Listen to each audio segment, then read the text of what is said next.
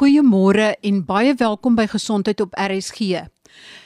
In hierdie program, die laaste in 'n kort reeks oor diabetes, die nuwer soort medikasie vir die behandeling van diabetes en dan ook dieselfde medikasie wat hartversaking en nierversaking in diabetespasiënte verminder as ook in pasiënte wat nie eens diabetes het nie, sit ek nou die gesprek voort met Dr Marius Wasserval. Hy's 'n internis by die Panorama Medikliniek en hy is ook ondervoorsitter van die oorkoepelende organisasie wat alle interniste in die land verteenwoordig. Ek gee net enkele agtergrondfeite. Al het jy goeie suikerbeheer en dit geld vir alle tipe 2 diabetes, is die kans dat 1 uit 4 mense wat tipe 2 diabetes het binne die eerste 10 jaar nadat hulle gediagnoseer is, reeds hartprobleme of beroerte ontwikkel. Oor 'n leeftyd ontwikkel die helfte van tipe 2 diabetes nierskade. 60 miljoen mense in die wêreld bo 65 jaar het reeds hartversaking. Die helfte van hierdie mense sal nie langer as 5 jaar leef nie. Ons gaan in die eerste deel van hierdie program kyk na hartversaking en hoe die middels wat eintlik vir diabetes ontwikkel is en die name is Forxiga en Jardiance. Hoe dit help om hartversaking te verminder. Dokter Wasserval verduidelik vir ons meer oor hartversaking. Die normale hartfunksie van meeste mense is ongeveer 52 tot 75%. Dit beteken jou hart pomp tussen helfte en 3 kwart van die bloed wat hy inkry, pomp hy uit met elke pompslag. Ons kan hartversaking gaan verdeel in hartversaking met 'n verlaagde uitwerpfraksie. Dit beteken van die bloed wat jou hart inkry, pomp hy minder as 40% uit. Dit wat in die hart oorbly word deel van die volgende pompaksie en die hoë druk wat gegenereer word kan natuurlik terugwerkend wees en dis wanneer jy vog uitdruk op die longe en mense kort asem raak of hulle nie plat kan lê en slaap nie of hulle slegs kort afstande kan stap voordat hulle baie moeg raak. As jy regter hartversaking het, dan druk daai vog terug en jy kry swelling in jou op jou maag of swelling van jou bene of 'n lewer wat geswel is en ongemaklik raak. As jou hart se funksie onder 40% is, noem ons dit hartversaking met verlaagde uitwerpfraksie. As jou hart se funksie tussen 40 en 50% is, noem ons dit hartversaking met matig verlaagde uitwerpfraksie.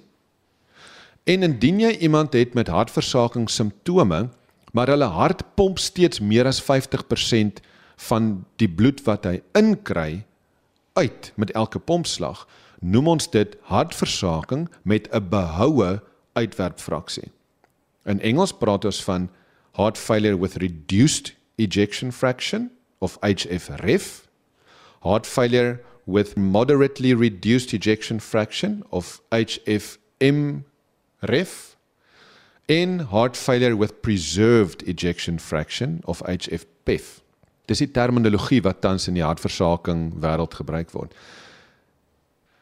Weens die merkwaardige effekte van die SGLT2 inhibitore in diabetes met hartversaking is dit nou getoets in hartversaking pasiënte met of sonder diabetes.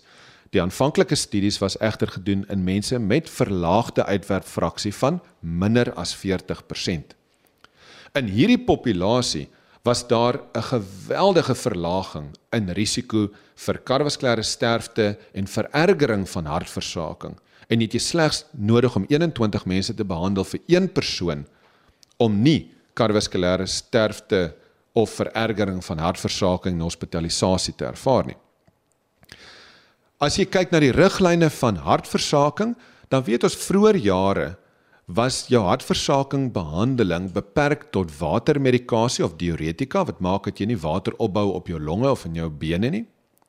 daarmee saam medikasie wat ons na verwys is die ACE-inhibitore of deesdae die ARNIs of die angiotensin reseptor en neprilysin inhibitore, daai middels se naam is Entresto. Daai middel is een van die 3 wat gebruik is tot onlangs. Die tweede was beta blokkers. Die derde was jou mineralocorticoid reseptor antagoniste. Baie mense sal dit ken as Sparaxin of Aldactone. En dan het jy jou watermedikasie gehad. Weens die studies wat nou gedoen is van die SGLT2s in hierdie enorme hartversaking populasie is die SGLT2 sopas bygevoeg as een van die vier pilare vir behandeling van pasiënte met hartversaking en onderdrukte uitwerpfraksie. Dit beteken almal in Suid-Afrika wat hartversaking het met 'n hartfunksie minder as 40% moet op al vier hierdie medikasie wees. 'n ACE of 'n ARNI, 'n beta blokker 'n mineralocorticoid reseptor antagonis en 'n SGLT2 inhibitor het sy dapagliflozin of empagliflozin of terwyl Forxiga of Jardiance. Hulle hoef nie 'n diabetes te wees om op hierdie medikasie te wees nie want die medikasie se voordele is net so goed in iemand sonder diabetes as iemand met diabetes met hartversaking. Dit het dus 'n geweldige verandering in die hartversaking behandelingsriglyne teweeggebring. Maar dit gaan nog verder. Hierdie medikasie is reeds getoets in pasiënte met nierversaking. En ons het dieselfde in daai studies gesien dat van hierdie medikasie is net so effektief in die behandeling van nierversaking buite diabetes en ons verwag dat die nierversakingsbehandelingsriglyne binnekort gaan verander om die SGLT2s as 'n groep deel te maak in die hantering van nierversaking. daarmee saam is die heel nuutste studies se resultate voorgedra by die onlangse ESC kongres waar hulle 'n groot studie gedoen het met een van die SGLT2 inhibitore in pasiënte met simptome van hartversaking maar 'n behoue uitwerpfraksie. Dis 'n geweldige groot populasie in die wêreld en weer eens is dieselfde voordeel gesien selfs in mense met hartversaking en 'n normale uitwerpfraksie. Dit was eintlik ironies tydens die kongres omdat die riglyne saamgestel is met data wat beskikbaar was tot en met Mei 2021. Maar omdat hierdie nuwe studie in pasiënte met hartversaking en behoue uitwerpfraksie nou eers voorgedra is, is dit nie deel van die huidige riglyne vir die behandeling van hartversaking nie. Maar tydens die EC kongres het die mense wat voorgedra het die riglyne met 'n glimlag voorgedra omdat hulle sê die riglyne sê steeds pasiënte met hartversaking met 'n behoue uitwerpfraksie het nie vreeslike behandelingsopsies nie. Maar op dieselfde dag word die studie voorgedra wat sê die SGLT2 inhibitore het merkwaardige voordele in daai populasie vir mense met hartversaking met behoue uitwerpfraksie. En vir die eerste keer verwag ons dat die ESC riglyne binne die volgende jaar of 2 weer opgedateer gaan word en nie die tradisionele 5 jaar nie. Juis omdat hierdie medikasie so effektief is in die hele populasie van mense met hartversaking of jy diabetes of jy nie diabetes nie of jy nierversaking of jy nie nierversaking het nie in almal met hartversaking is daar betekenisvolle voordele van hierdie medikasie.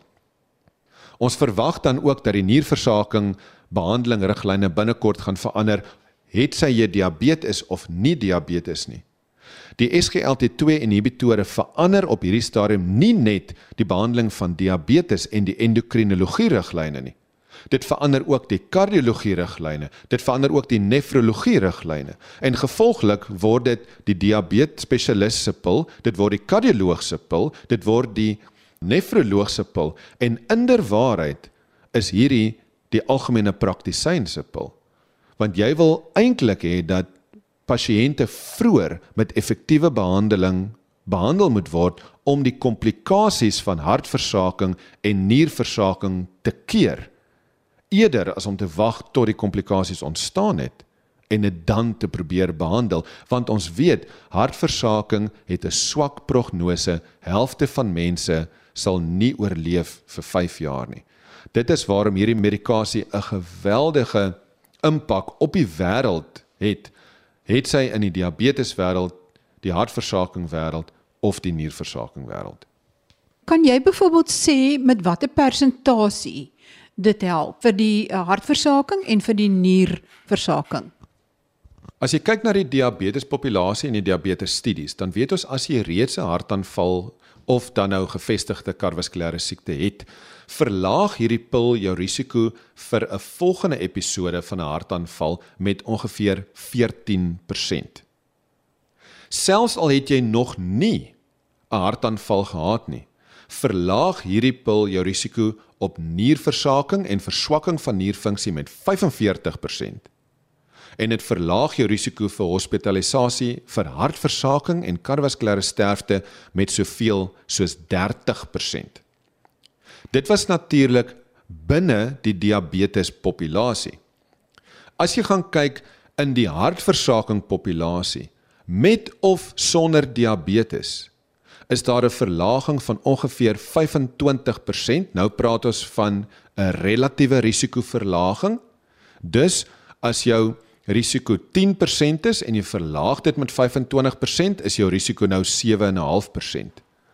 Maar as jy gaan kyk na die absolute syfers, nie 'n relatiewe risiko nie, die absolute risiko verlaging, dan het hierdie medikasie in iemand met hartversaking 'n absolute risikoverlaging van 4.9%. Dit beteken daar is 4.9% minder pasiënte wat kardiovaskulêre sterfte of verergering van hartversaking gaan ontwikkel. Een van die merkwaardige goed is egter dat hierdie middel reeds na 1 maand net so effektief is soos wat dit is na 18 maande. As jy terugdink daaraan het ons gesê dat 'n derde van pasiënte binne 60 tot 90 dae geherhospitaliseer sal word of sal sterf en jy dan dink dat ons 'n medikasie nou beskikbaar het wat binne die eerste maand vir jou merkwaardige verlaging gee in kardiovaskulêre sterfte en verergering van hartversaking, kan ons insien hoekom die kardiologie wêreld en die hartversaking wêreld so opgewonde is want ons kan geweldige impak hê in iemand met hartversaking. Inteendeel, hulle beveel aan dat enige pasiënt wat toegelaat word met hartversaking tydens sy toelating op al vier hierdie medikasies begin word. As jy dink aan 3 van die 4, die beta-blokkers, die ACE inhibitors en die ARNIs en die mineralocorticoid reseptor antagoniste, hulle almal moet versigtig begin word want almal verlaag bloeddruk 'n bietjie. En dikwels het 'n pasiënt met hartversaking ook lae bloeddruk. So jy begin daai medikasie en jy titreer dit stadig op totdat jy by die maksimum getolereerde dosering is om vir die pasiënt die maksimum voordeel te gee. Terwyl die SGLT2 inhibitore is 'n 10 mg pilletjie wat jy net begin drink. Dit het minimale verlaging in bloeddruk, dit word goed getolereer. Pasiënte voel goed en hulle doen goed en hulle het betekenisvolle verbetering in uitkomste binne 28 dae. Hierdie nuwe medikasie veroorsaak dat daar meer glikose deur die niere uitgeskei word in pasiënte met diabetes. Maar Diabetiese ketoasidose is 'n komplikasie wat kan intree, maar hoe kan 'n GP of 'n dokter onderskei? Hy meet nou die urine van die pasiënt en daar's baie glikose in die urine, maar dalk het die pasiënte reeds diabetiese ketoasidose. Hoe kan hy nou onderskei want gewoonlik het hy dit gekoppel aan spesifieke suikervlakke? Diabetiese ketoasidose is een van die komplikasies wat ons meer algemeen sien tipe 1 diabetes wat afhanklik is van insulien. Dis baie keer intedeel hoe kinders presenteer met tipe 1 diabetes. Hulle presenteer met suikervlakke wat geweldig hoog is, maar omdat hulle nie insulien het nie, het die selletjies nie toegang tot daai suiker nie en gevolglik moet die liggaam vet afbreek en ander meganismes gebruik om energie te maak.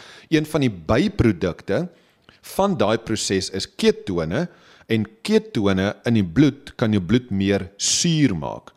Dus 'n diabetiese ketoasidose is 'n toestand waar jy hoë suiker het met baie ketone wat jou bloed suur maak en dit kan 'n diabetiese koma veroorsaak.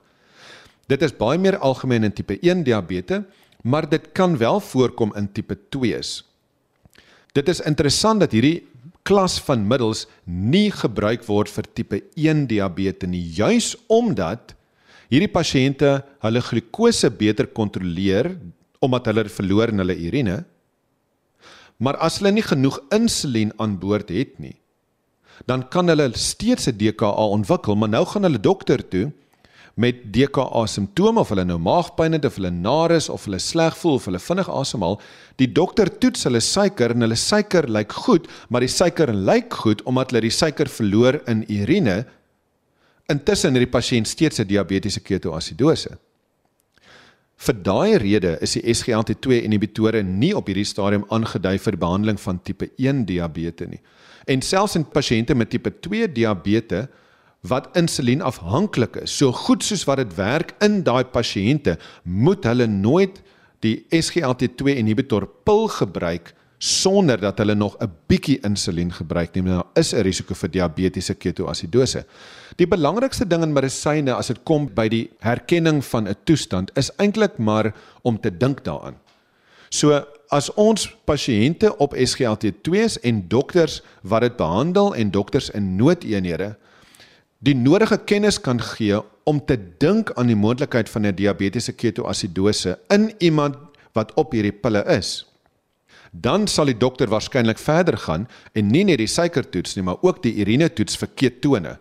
Jy kan ook bloedtoets vir ketone. Intendeel pasiënte kan ketoon stokkies koop, net soos jy jou vinger kan prik vir 'n suikerlesing, so is daar ketone stokkies wat baie tipe 1 diabetes by die huis gebruik om hulle ketone te toets. So as die dokter dink aan die moontlikheid van 'n DKA, dan toets ons nie net suiker nie, jy toets ook ketone en as die ketone verhoog is, dan gaan toets jy die suurvlak van bloed.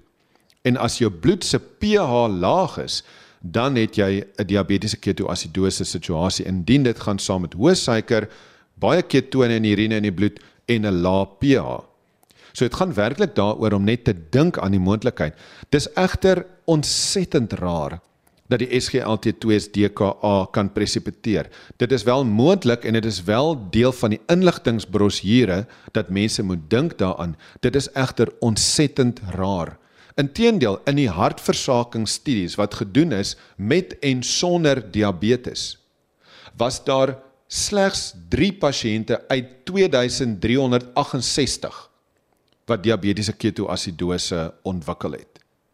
Dit was in die groep wat hartversaking het wat behandel is met hierdie medikasie. Die enigste betekenisvolle neeweffek van hierdie medikasie is dat swamme ook hou van glikose in die urine. So onthou hierdie medikasie maak dat jy suiker verloor in jou urine. daarmee saam mag jy dalk een of twee keer meer op 'n dag gaan urineer. Maar omdat swamme ook kan teer op glikose in die urine, is daar wel 'n gering verhoging van swaminfeksies. Die infeksies waarvan ons praat is swaminfeksies wat tipies by die geslagsdele voorkom.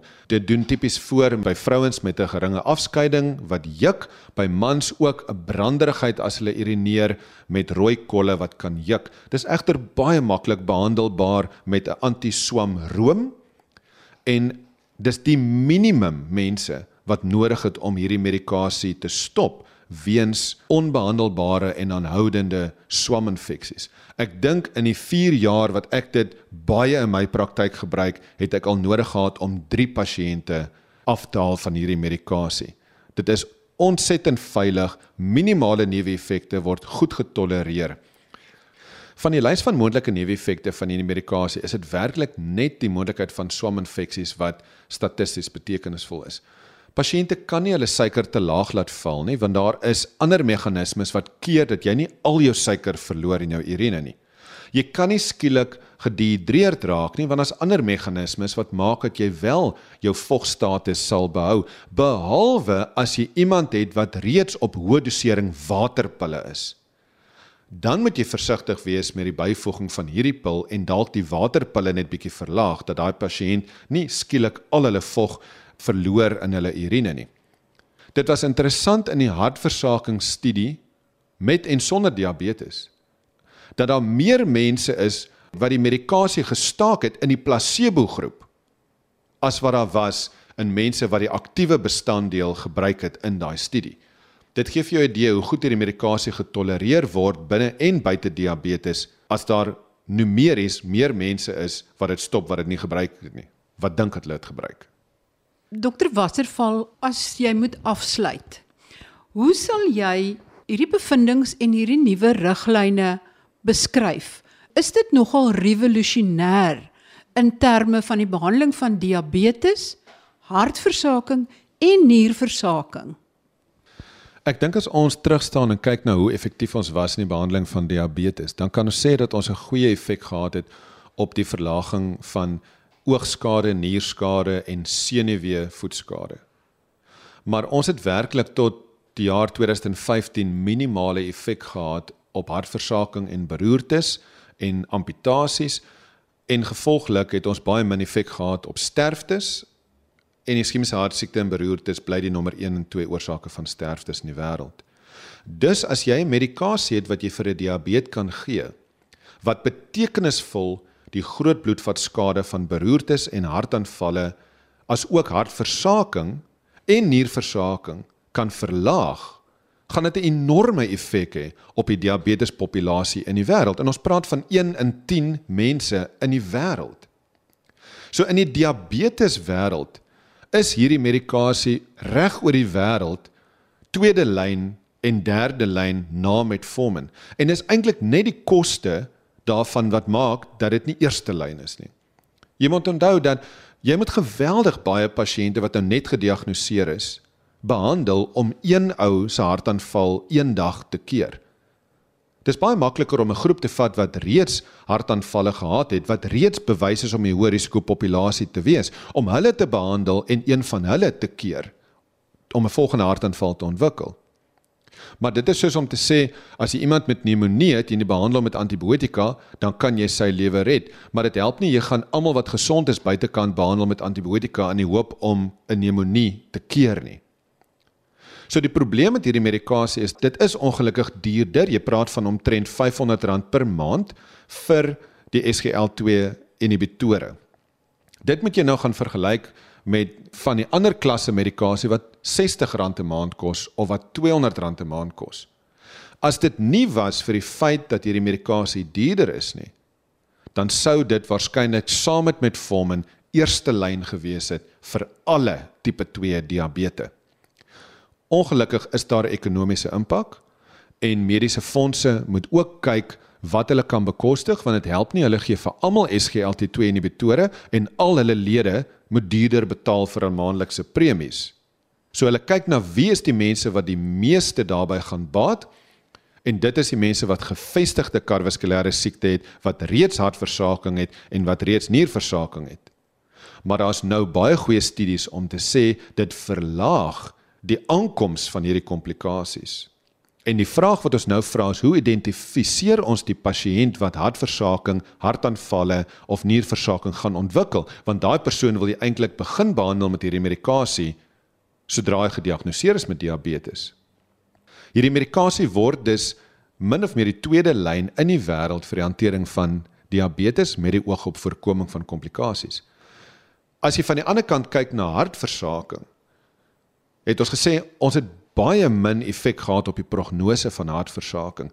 Nou het ons 'n middel wat duidelike verlaging gee in kardiovaskulêre sterfte en hospitalisasie vir hartversaking. Gevolglik gaan alle pasiënte met hartversaking en 'n uitwerkfraksie onder 40% direk baat vind by hierdie medikasie en is dit deel van die riglyne Meeste mediese fondse in Suid-Afrika gaan binnekort betaal vir hierdie medikasie omdat hulle gaan spaar met minder hospitalisasie vir hartversaking. Een hospitalisasie vir iemand met hartversaking kos die mediese fonds tussen 60 en 100 000 rand. So die mediese fondse besef hulle gaan geweldige geld spaar en hulle gaan hulle lede in 'n baie beter posisie sit vorentoe en daarom is hierdie een van die vier belangrikste medikasies vir almal met hartversaking met of sonder diabetes. Die interessante ding van hierdie medikasie vir hartversaking is dat die effek onafhanklik is van of jy diabetes of nie. Dit maak nie saak of jy jonk is of oud is nie. Dit maak nie saak wat jou basislyn bloeddruk is, wat jou gewig is. Dit maak nie eers saak wat die oorsaak van jou hartversaking is nie. Het jy klonte in jou hart gehad? Het jy trombose gehad? Het jy aterosklerose gehad? Het jy hartaanval gehad of het jy 'n virale ontsteking van jou hart gehad en hartversaking vir 'n ander rede? Dit maak nie saak watse ander medikasie jy gebruik nie want hierdie medikasie is bewys om komplementerend bo-op die beste hartversaking medikasie te wees. Hierdie studies is gedoen in mense wat baie goed behandel is vir hartversaking en bo-op dit het hulle steeds 'n 26% verlaging in kardiovaskulêre sterfte en hospitalisasie vir hartversaking gehad. En soos ons nou sien, die grootste effek is wel in mense met hartversaking met onderdrukte uitwerpfraksies. So mense met 'n hart wat werk teen minder as 40%. Maar mense met hartfunksie tussen 40 en 50% baat geweldig baie en daar's nou selfs bewyse vir mense met hartfunksie tussen 50 en 60% wat ook baat by hierdie medikasie. Maar dit is so dat die medikasie is op sy effektiefste in mense met uitwerpfraksies van minder as 40%, so jou hartversaking pasiënt met 'n hartfunksie van minder as 40%. So in opsomming as jy kyk die diabetes wêreld verander en hierdie raak jou tweede of derde belangrikste middel vir mense met diabetes. Die hartversaking wêreld verander want onafhanklik van diabetes of nie, raak hierdie een van die middels van keuse vir almal met hartversaking. En die nefrologie wêreld gaan verander want hierdie medikasie het merkwaardige beskerming op nierversaking. Ons wag net vir die nefrologie riglyne om te verander, maar ons verwag dat dit binne die volgende jaar of 2 ook gaan gebeur. Die Suid-Afrikaanse diabetesriglyne gaan waarskynlik in hierdie jaar aangepas word. Ons sien nou dat die hartversakingsriglyne internasionaal is reeds aangepas. En ons verwag dat die nierversakingriglyne binnekort aangepas gaan word. Dus het die SGLT2 is nie net die diabeteswêreld verander nie, dit verander die hartversakingwêreld en die nierversakingwêreld en die pasiënt wat sentraal staan tot enige behandeling is die een wat die meeste voordeel gaan trek uit hierdie middel.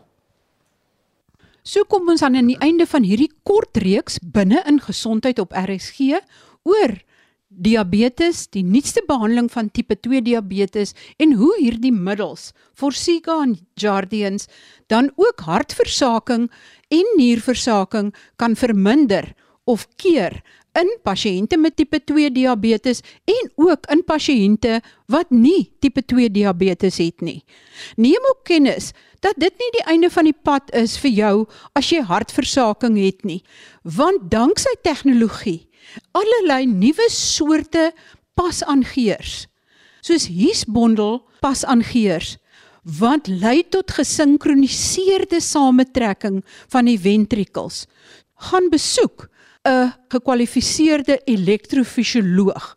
Tot volgende week dan wanneer ek weer gesondheidsake gesels. Groete van my, Marie Hudson.